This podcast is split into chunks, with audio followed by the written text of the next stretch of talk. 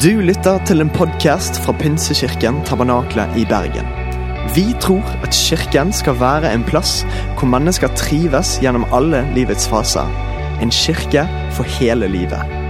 Ønsker du å bli bedre kjent med oss eller holde deg oppdatert? Besøk vår Facebook-side eller ptb.no. Her er ukens tale. Et fellesskap det er noen som har noe til felles, som kjenner en tilhørighet til noen. Og da kan vi jo si at vi her er et fellesskap. Vi har noe til felles fordi at vi tror. Vi har noe til felles fordi vi er en del av den samme menigheten. Og vi har noe til felles fordi vi har kommet sammen for å feire gudstjeneste og for å høre om Jesus.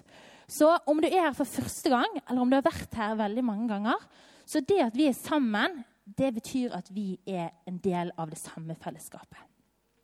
Så hvis vi allerede vet at vi er et fellesskap, og hva et fellesskap er, hva skal vi da gjøre for at det skal være varmt? For at det skal oppleves hjertelig og omsorgsfullt? I Efeserne 4,32 så skriver Paulus til menigheten i Efesus. Vær gode mot hverandre, vis medfølelse og tilgi hverandre slik Gud har tilgitt dere i Kristus. Jeg vet ikke med dere, eh, men når jeg tenker på denne kirken, så tenker jeg at dette er mitt hjem. Og i mitt hjem, der er min familie. Så dere som er her i dag, dere er liksom blitt en del av min familie, om dere vil det eller ikke. Men min familie er veldig bra, altså. Så jeg håper at dere tenker at det er positivt. Men i min familie, som i alle andre familier, så blir det av og til litt dårlig stemning. Det er ikke sånn at noen liksom er intensjonelt stygge med hverandre. Men jeg er en blanding mellom en nordlending og en bergenser. Så replikkene de er ganske kjappe. Vi kan være litt direkte. Og av og til så sier vi noen ting som vi kanskje ikke har tenkt igjennom før vi sier det.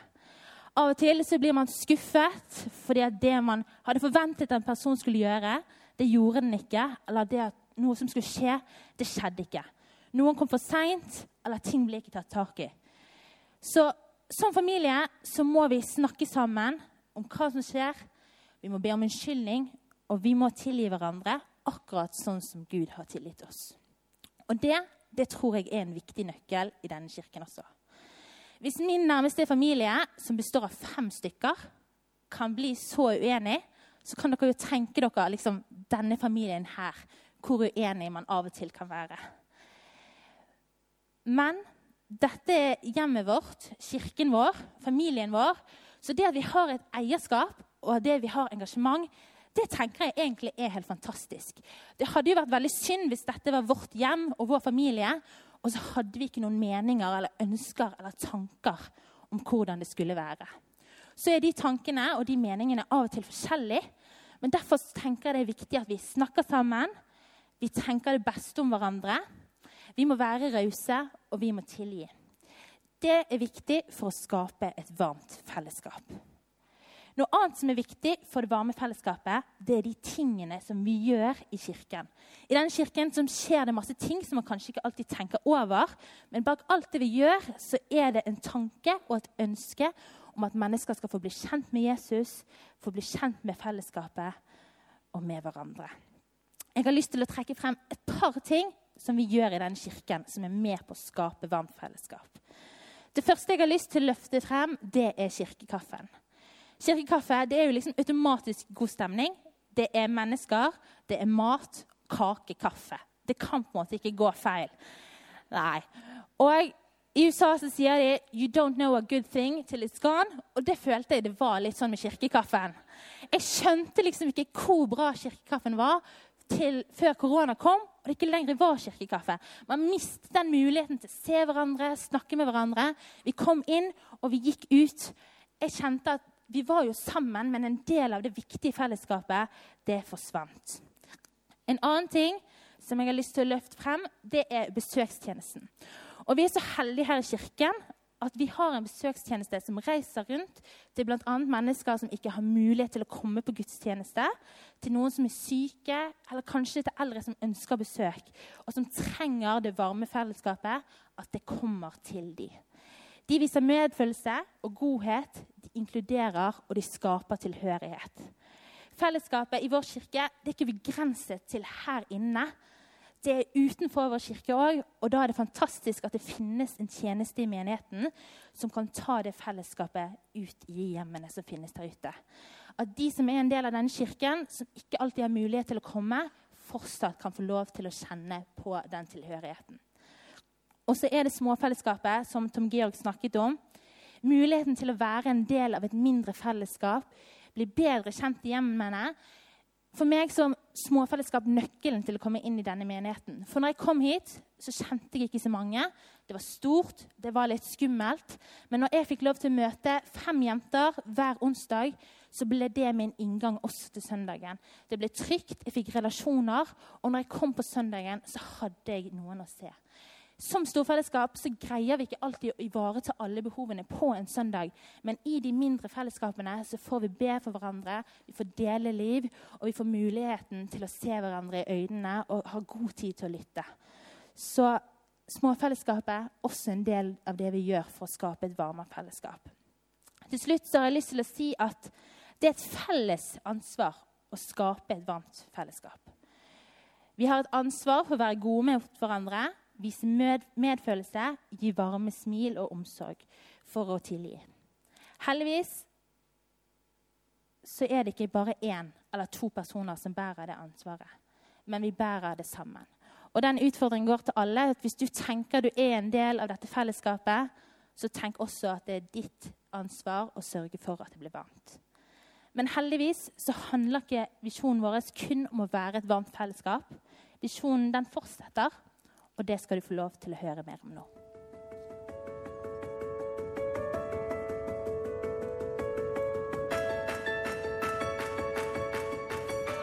Så bra. Fordi Vi er jo et varmt fellesskap av Jesus' etterfølgere som inspirert av Den hellige ånd tilber Gud og bringer håp til mennesker. Og Når det kommer til den delen av å være Jesus' etterfølgere, så skal jeg bruke de neste par minuttene på å prøve å utbrodere litt hva det kan bety, hva det kan handle om. Og jeg tror at mye av det handler om noen valg.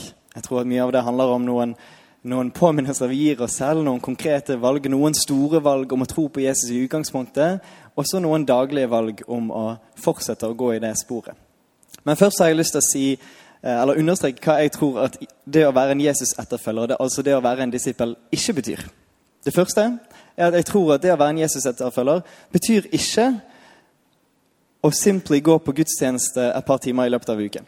Jeg tror det kan være en del av det, men søndagsetterfølgelse er ikke det samme som å være en disippel. For det å være en etterfølger av Jesus går så mye dypere, det er så mye mer omfattende og går så mye mer på hele ditt liv enn det å bare være på gudstjeneste en gang i uken. I tillegg så har jeg lyst til å presisere veldig tydelig at Jesus' etterfølgelse, det å være en disippel, handler ikke om å prestere noe. Det handler ikke om å få til å skulle følge. Det handler ikke om å være flink nok til å regnes som en som Gud liker. Det handler ikke om å nå opp til et eller annet. Tvert imot så handler det om å innse det motsatte. Å innse det at vi trenger nåde, og vi kan stå på en plattform av nåde. I evangeliet som Johannes skrev, så ser vi en hendelse mot slutten av Jesus' sin tjeneste som jeg syns kan lære oss mye av hva det er å være en disippel. Du kan lese det i kapittel 13 og det handler om at Jesus vasker føttene til disiplene. Altså Det handler om at Jesus, som er herre over alle herrer, konge over konger, Guds sønn, bøyer seg ned i støvet for å vaske føttene til disiplene. Og jeg synes Allerede i innledningen i Johannes 13, vers 1 så ser vi noe som er så viktig for oss å ta med oss i grunnlaget av å vite hva er det å være en disippel. For Der står det det var like før påskehøytiden. Og Jesus visste at hans time var kommet da han skulle gå bort fra denne verden og til sin far. Han hadde elsket sine egne som var i verden, og han elsket dem helt til det siste. Så allerede der så finner vi noe av det viktigste utgangspunktet vårt. Vi er elsket. Er ikke det rått? Og så fortsetter det videre i historien at Jesus i slutten av et måltid tar av seg kappen, han knytter et linklede rundt seg, bøyer seg ned, fyller vann i en bøtte, og så begynner han å vaske disiplene sine føtter. Og Når en av disiplene som heter Peter, insisterer på at det skal jo ikke Jesus gjøre, han er jo, han er jo så allmektig, hvorfor skulle han gjøre det for han? Så svarer Jesus med dette. Hvis jeg ikke vasker deg, så har du ingen del i meg. Og Allerede her så ser vi det som vi som allerede tror kanskje altfor fort eh, opplever som en selvfølge, men som virkelig er banebrytende. At Guds sønn, Herren over herrer, konge over konger, elsker oss. Det er utgangspunktet. Og at han sier så tydelig hvis ikke du lar meg gjøre dette for deg, så har du ingen del i meg. Han sier så tydelig at du kan ikke fikse dette selv. Du kan ikke ordne dette selv. Du kan ikke vaske deg selv, men jeg kan gjøre deg ren. Det er utgangspunktet. Det betyr vi er elsket. Vårt utgangspunkt som Jesus-etterfølgere er at vi er elsket uavhengig av hva vi har gjort, uavhengig av hvordan vi er. Så har Jesus vasket oss ren. Og det er nåde. Og det er fundamentet vi får stå på. Det er startpunktet på det å være en disippel. Og Det er det første av de daglige valgene jeg tror vi er nødt til å ta som en Jesus-etterfølger. Det er å våkne opp hver dag og innse det. Jeg er jo elsket. Og jeg kan velge i dag å stå på et fundament av nåde istedenfor å klamre meg fast til en stige av egne prestasjoner. Og Videre i historien så fortsetter denne skeptiske disippelen Peter med å si ok, hvis det er sånn det er, da må du vaske hele meg. For Hvis det er sånn det er, hvis det er bare du som kan gjøre det, kanskje du vasker hele meg, da, ikke bare føttene. Og Til det så, så svarer Jesus den som er badet helt ren, trenger bare å vaske føttene. Og Jeg syns det er så nydelig, fordi jeg, jeg, tror at, uh, at, dette handler på ingen måte om at hvis du har dusjet en gang i livet, så skal du slippe å gjøre det resten av livet. Det tror jeg bryter ned Guds rike for alle rundt deg. Men jeg tror at det dreier seg om at den rengjøringen som Jesus gjør i våre liv, det holder. Det er nok. Det arbeidet, det verket som Jesus har gjort, det er nok for oss å holde fast på. Det er nok for oss å stå på. Og Det leder til det andre daglige valget jeg tror vi må gjøre som Jesus-etterfølgere. Det er først og fremst å innse vi er elsket, vi står på et fundament av nåde. Men så er det òg å tre inn i, inn, inn i, en identitet av å være tilgitt, av å være frigjort, av å være trygge som Guds barn. Vi slipper å dag etter dag prøve å klamre oss fast til et eller annet, fordi han har allerede gjort dette for oss. Og Det tredje, tredje valget jeg tror disippelskap handler om, det ser gjennom hvordan Jesus avrunder hele denne seansen. For litt ut i kapittelet så eh, skrives det Forstår dere hva jeg har gjort for dere? Dere kaller meg mester og herre, og dere gjør det med rette, for jeg er det. Når jeg som er Herren og Mesteren har vasket deres føtter, da skylder også dere å vaske hverandres føtter. Jeg har gitt dere et forbilde. Slik jeg har gjort med dere, skal dere gjøre. Sannelig, sannelig, jeg sier dere, Tjeneren er ikke større enn herren sin, og utsendingen er ikke større enn den som har sendt han. Nå vet dere dette, og salige er dere så sant dere også gjør det jeg sier. Det tredje valget, det tredje daglige valget som jeg tror er lurt for oss å gjøre, som handler om disippelskap, det handler om å gå inn i det kallet som vi er blitt gitt. For Vi blir bedt og invitert til å følge, og så sendes vi ut til å være Jesus sine ambassadører sendes ut til å gjøre sånn som han. Altså å bøye seg ned i støvet, legge ned sitt eget for å kunne tjene folkene som er rundt oss. Jeg tror det er dette disippelskap handler om. Å vite og tro at jeg er elsket. Å vite og tro at vi står på et fundament av nåde. Å vite og tro at jeg har fått en ny identitet som tilgitt, som frigjort, som Guds barn, trygg i det. Og å vite at Han kaller oss til en tjeneste som går ut over oss selv. Til å være med på noe som går ut over og som er så mye større enn meg selv. Og det mine venner, er det vi drømmer om i Pinsekirken. Vi drømmer om å se flere og flere sanne typer valg, sanne bestemmelser, vokse stødigere og sterkere i individene som sitter her. Og så drømmer vi om å se og ta del i at flere folk finner frem til det samme type valget rundt oss.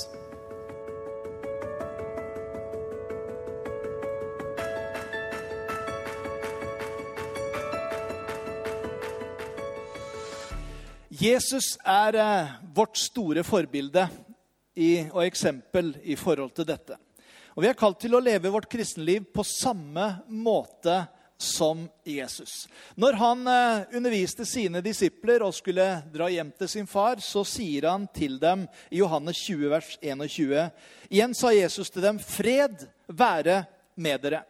Som far har sendt meg, sender jeg dere. Så åndet han på dem og sa, 'Ta imot Den hellige ånd'.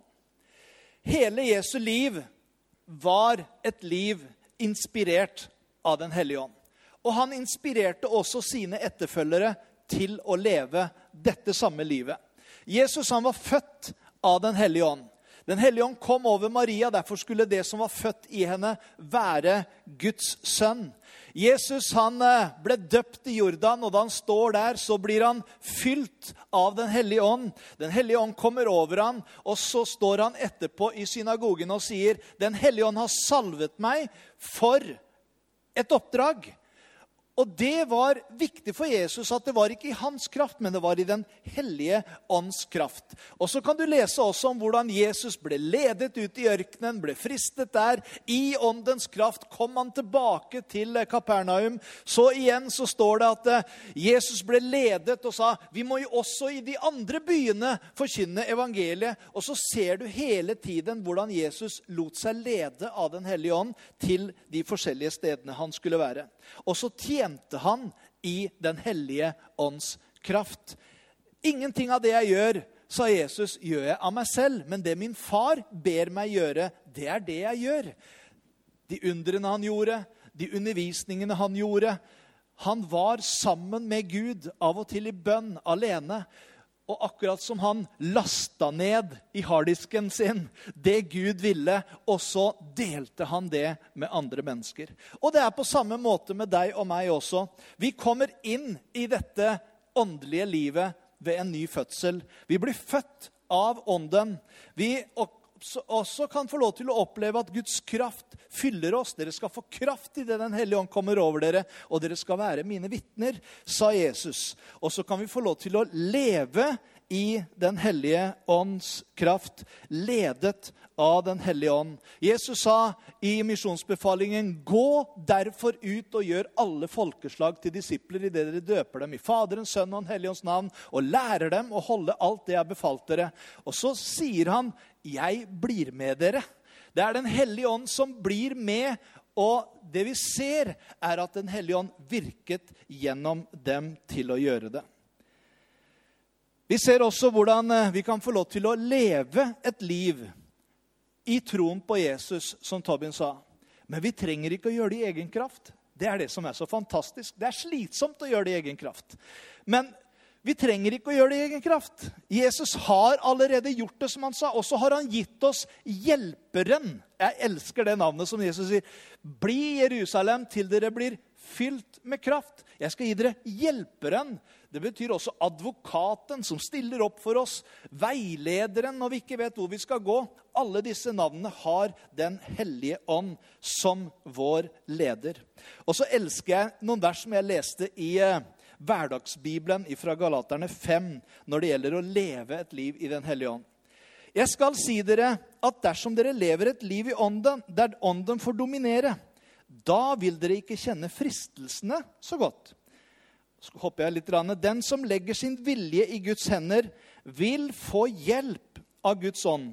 Og, vil, og livet blir ikke en slitsom kamp mot alt man skal prøve å stå imot. Jeg elska det. For det er sånn at vi drives av to krefter. Det onde og det gode. Men Den hellige ånd er der som vår hjelper for å hjelpe oss å leve dette livet på en god måte. Og så elsker jeg slutten på Markus 16, der hvor det står at disiplene de tok denne, dette livet på alvor. De gikk ut, og de forkynte overalt. Og Herren selv, står det, stadfestet ordet med de tegn som fulgte. Den hellige ånd gir oss tjenester. Den hellige ånd gir oss gaver. Den hellige ånd utruster oss til det livet som vi skal få lov til å leve som kristne. Og vi kan få lov til å trene oss opp på det i life-gruppene, i bønn- og lovsangsmøtene som vi har bygge opp hvordan vi kan få lov til å bruke profeti, kunnskapsord, disse tingene som Den hellige ånd har gitt oss for at det skal være en hjelp for oss også i hverdagen, i gudstjenester og i andre samlinger som vi har. Av og til så kan du kanskje føle at eh, ja, men dette burde jeg ha kommet inn i for lenge siden. Hvordan skal jeg liksom nå begynne med dette? Og Jeg eh, fikk en sang, en gammel sang i natt som jeg tror kan være til en som sitter, eller flere som sitter her i dag. Og det er en, eh, Jeg skal bare lese den. Eh, mange mennesker sier 'Hvor har tiden min blitt av?'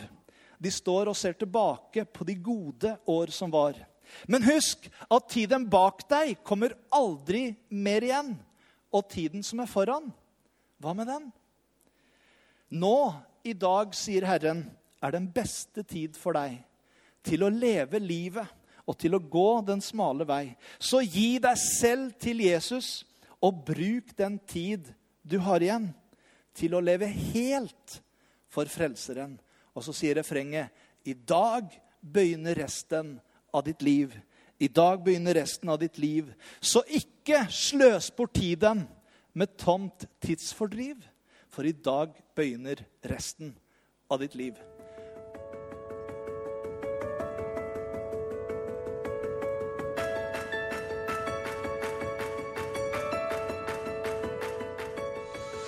Det er helt klart at Er det noe som har preget Pinsekirken Tabernaklet sin historie på snart ja, 100, over 101 år, så er det nettopp det å bringe håp til mennesker.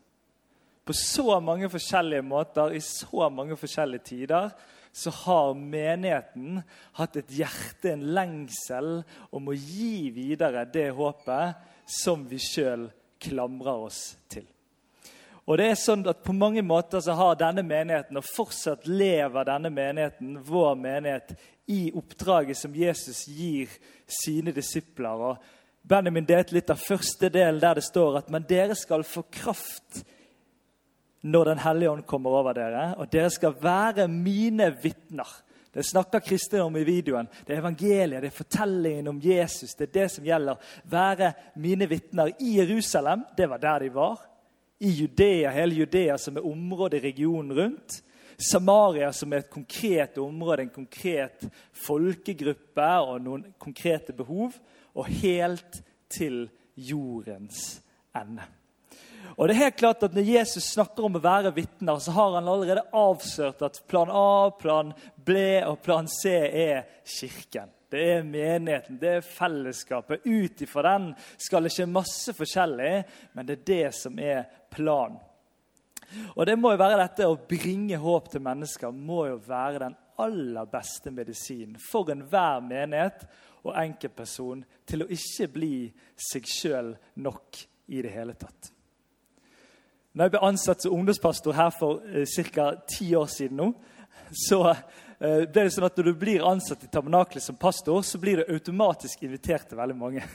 De hadde ikke peiling på hvem jeg var, tror jeg, men de hørte at det var en ny ungdomspastor i tabernakelet, og han må vi invitere. Så da fikk jeg invitasjoner fra alle mulige områder rundt i Bergen. her, på liksom i bydeler rundt omkring og forskjellige plasser til å komme og preke. Og Jeg synes Det var veldig spennende å komme sjøl fra en lokal menighet og tenkte wow. Men det som skjedde etter hvert som jeg reiste rundt, var at jeg så at det var en del ting som gikk igjen rundt omkring i bydelene og i de lokale menighetene i lokalsamfunn. Og det var at det manglet min generasjon der. Og det manglet barn der, og det var veldig fort flere steder at det nesten satt igjen bare én eller to generasjoner. Og Det, det kom en sånn sorg i mitt hjerte. Jeg følger også min egen menighet eh, ute i Sion Blomstrand, som er vokst opp i tett og er der ofte. Og kjenner en sorg over hvorfor er det sånn at ikke det er flere generasjoner. Hvordan har man mistet neste generasjon her? Og I denne sorgen så tror jeg at Gud gir et kall, eh, en visjon og Jeg går meg hjem og deler den med Marit. og Nå skal vi prøve å sette dere litt inn i vår reise de siste årene på det å bygge sterke, sunne lokale menigheter, og hvordan Pinsekirken Tabernaklet kan være med på det. Kan ikke dere klappe for Marit? Ja, det er bra. Nå, nå, er det sånn at Jeg har kommet hjem ganske mange ganger veldig engasjert til Marit og delt en sånn visjon eller tanke. Eh, og, og, jeg skal love deg at ikke hver gang hun sier 'supert, André' Det er ganske mange ganger hun har sagt at 'nei, det er ikke riktig'.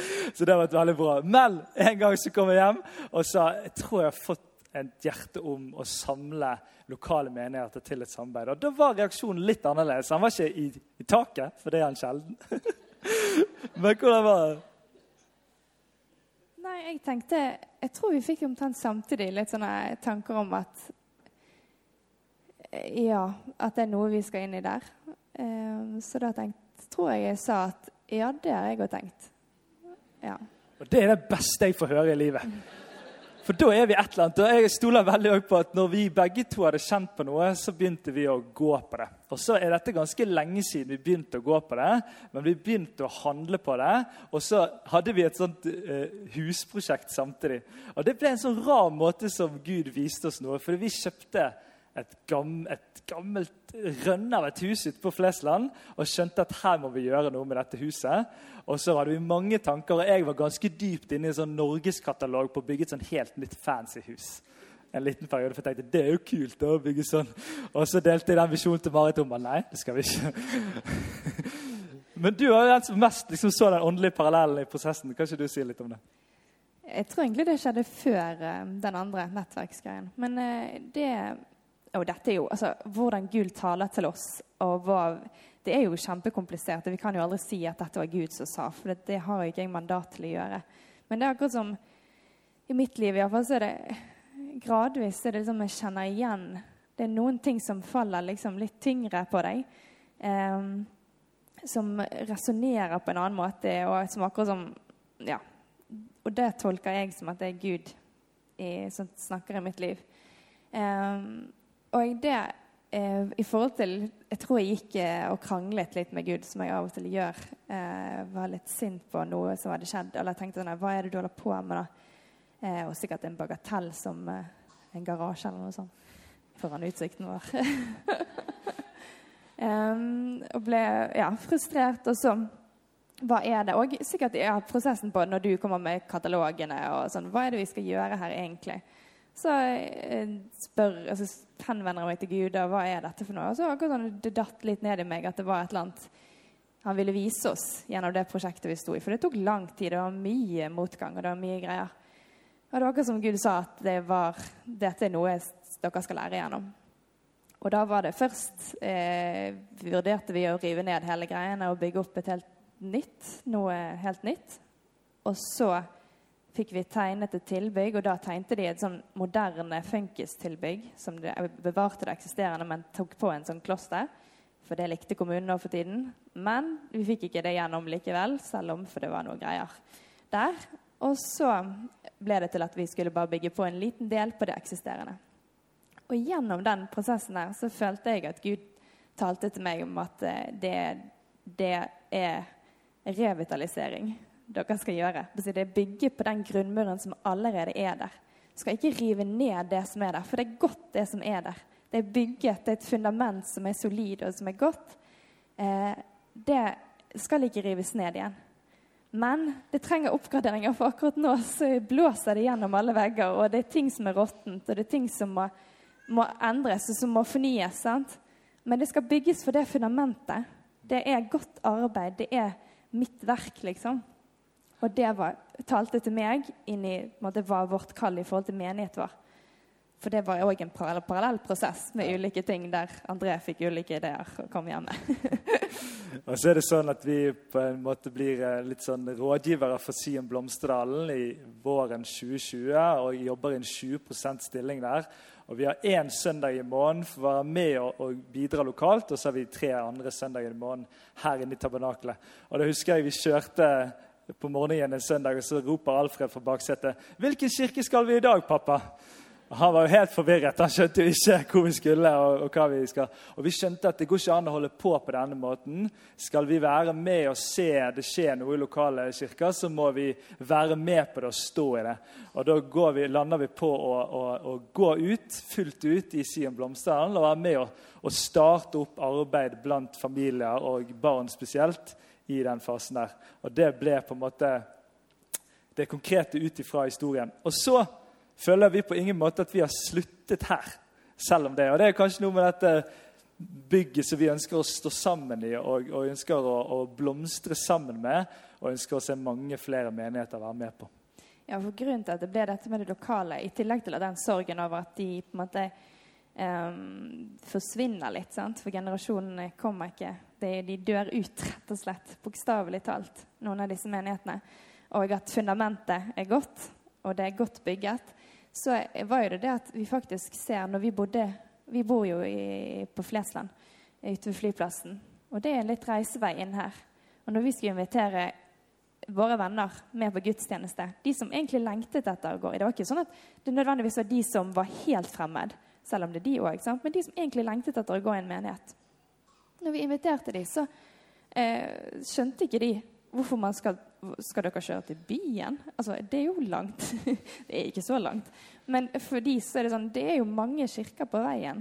Altså, hvorfor kjøre forbi alle de kirkene for å komme til byen? De skjønte det ikke. De skjønte ikke konseptet, for de har ikke opplevd å være i en menighet som det er verdt å reise til, hvis dere skjønner. sikkert. Um, så dere ble rett og slett Ja, så var vi òg litt med i et lokalt arbeid. Ja. Og det morsomme er jo at vi, det vi inviterer til her inne, storsøndag og forskjellige ting, var jo så utrolig bra at jeg tenkte hvorfor vil ikke de være med på dette? Og så var vi litt med lokalt i, i Den norske kirke på en sånn hverdagsmiddag. Og bare vi, første gang vi inviterte, så kom de med en gang. For det var i nærheten, det var lokalt, det var tilgjengelig. Og så ble det med. Og Da kjente vi også at misjonalt så trengte vi å kunne invitere naboer til noe nærmere. Og jeg tror dette er en utfordring for flere bydeler rundt omkring i Bergen. At man forholder seg ikke til sentrum på samme måte som man har gjort tidligere. Det er noe i sosiologien som har endret seg. Og så har man bydelssentrumer og så vil man eh, ha noe lokalt. og Det drømmer vi om å være med å skape. Og ikke bare i Sion Blomsterdalen, men nå står vi sammen i et nettverk med flere lokale menigheter for å se de vokse, styrke de og se nye generasjoner komme til. Og Dette tror vi og ber om at skal være et hjerte fra Pinsekirken sin side. For dette har vært rollen til Pinsekirken før. Det er ikke noe nytt i historien at man har stått i Judea og jobbet i regionen og vært noe å si. For alle menighetene jeg besøker rundt omkring i regionen, har et eller annet opphav fra Pinsekirken. Så vi vil se en ny fortelling på dette. og Nå hvis tiden var ute. Mat. Jeg bare tenkte jeg skulle si at, jeg, at det er liksom det med drømmen om at, at dette her, som er en så flott menighet, kan være hjertet liksom som pumper ut blod. Pumper ut, pumper ut liv og håp til de andre stedene. Ikke stjele, altså at de andre skal stjele fra, men at det skal pumpe ut og gi liv da, og håp. Ja. Så la oss stå sammen.